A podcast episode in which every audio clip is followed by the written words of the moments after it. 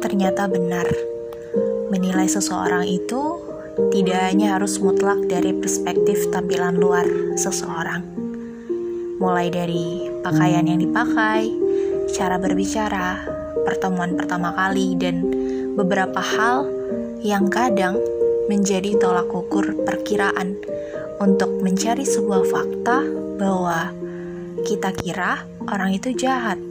Eh, lambat laun kita berubah haluan dan bilang kalau eh ternyata aku salah ya. Ternyata orang yang selama ini aku kira jahat ternyata baik banget. Nah, itu adalah bentuk salah satu contoh nyata kekeliruan kita sebagai manusia.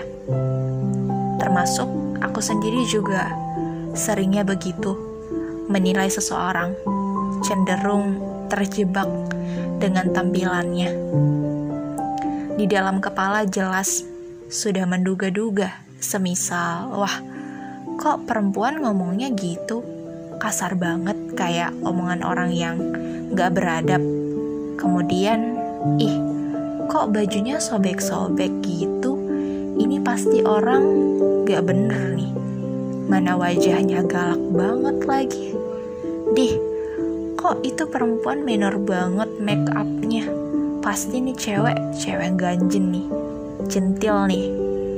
Itu semua adalah penilaian manusia.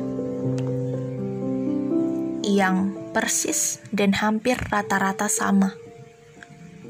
Penilaian manusia itu ya menurut aku tergantung selera berpikirnya faktor selera berpikir orang itu juga kebanyakan gak sama.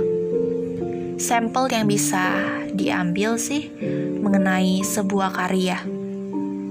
Kalau orang-orang lomba deh, artinya kan orang-orang yang ikut lomba itu gak mungkin lah gak pengen jadi juara. Pasti pengen. Dan balik lagi, kriteria seorang juara yang katanya terbaik di antara yang baik, itu juga tetap hal-hal yang menjadi selera para juri dalam lomba tersebut. Bisa jadi justru orang-orang yang karyanya masih taraf berkembang atau juga karya yang memang bagus tapi tidak menjadi selera juri juga jelasnya pasti ada gitu.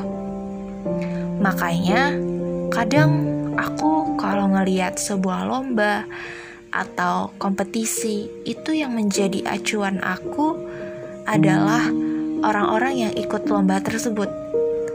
Aku kayak salut banget gitu sama mereka yang mati-matian buat bisa lebih baik selangkah demi selangkah. Di pikiran mereka pasti juga jelas tergambar bahwa oke, okay, ini kompetisi gue harus biasain diri gue buat kalah dan menang. Fokus yang gue cari di sini perkembangan yang lebih baik, yang artinya gue nggak boleh anti kritik dan juga cepat berhenti, terus nyaman ketika dipuji banyak orang. Jadi, dari kesemuanya itu, yang bisa aku ambil adalah manusia itu cepat berubah. Manusia itu bisa labil atau tidak konsisten dalam beberapa kondisi dengan itu, maka pasti ada yang ingin dia ubah karena faktor yang mendorong dia berubah. Entah itu karakternya, hobi, atau passionnya, public speakingnya, atau kepintarannya. Jadi, kalau kita pernah dengar pernyataan tentang kita tidak akan bisa menilai orang lain dalam satu kali pertemuan, bahkan dalam waktu bertahun-tahun aku setuju dengan pernyataan itu.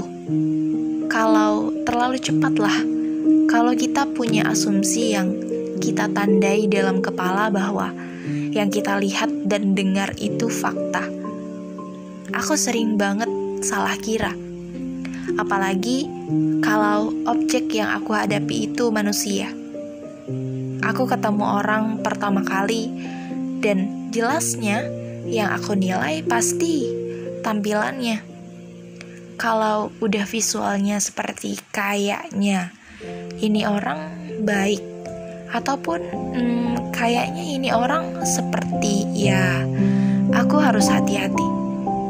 Nah, kalau visualnya udah diukur, pasti deh penasaran tentang karakter atau watak orang tersebut. Apakah tampilan atau visualnya sama dengan karakter atau wataknya? Sampai sejauh ini ya, pendapat aku sendiri ya karena aku emang kalau kenalan sama orang lain itu lebih kepada akunya yang pasif. Kalau diajak ngobrol first time, seiring waktu juga bisa berubah. Aku makin pasif dan juga bisa lebih atraktif. Karena aku tipikal orang yang sangat-sangat mengamati dan sering nebak-nebak. Ya, itu tadi, mengenai tampilan dan karakter orang lain. All the time emang menebak karakter orang lain sering meleset. Nah, karena sering meleset, aku lebih kepada jadinya tidak gampang percaya sekalipun orang tersebut tidak ada rekam jejak suka bohong, manipulatif, toksik, atau lainnya. Hal itu mungkin jadi toksik pola pikir yang seharusnya aku tidak mengeneral bahwa semua orang itu buruk. Nah, maksud aku tidak gampang percaya walaupun orang lain baik banget sekalipun itu karena aku pengen hati-hati dalam berhubungan sama orang lain.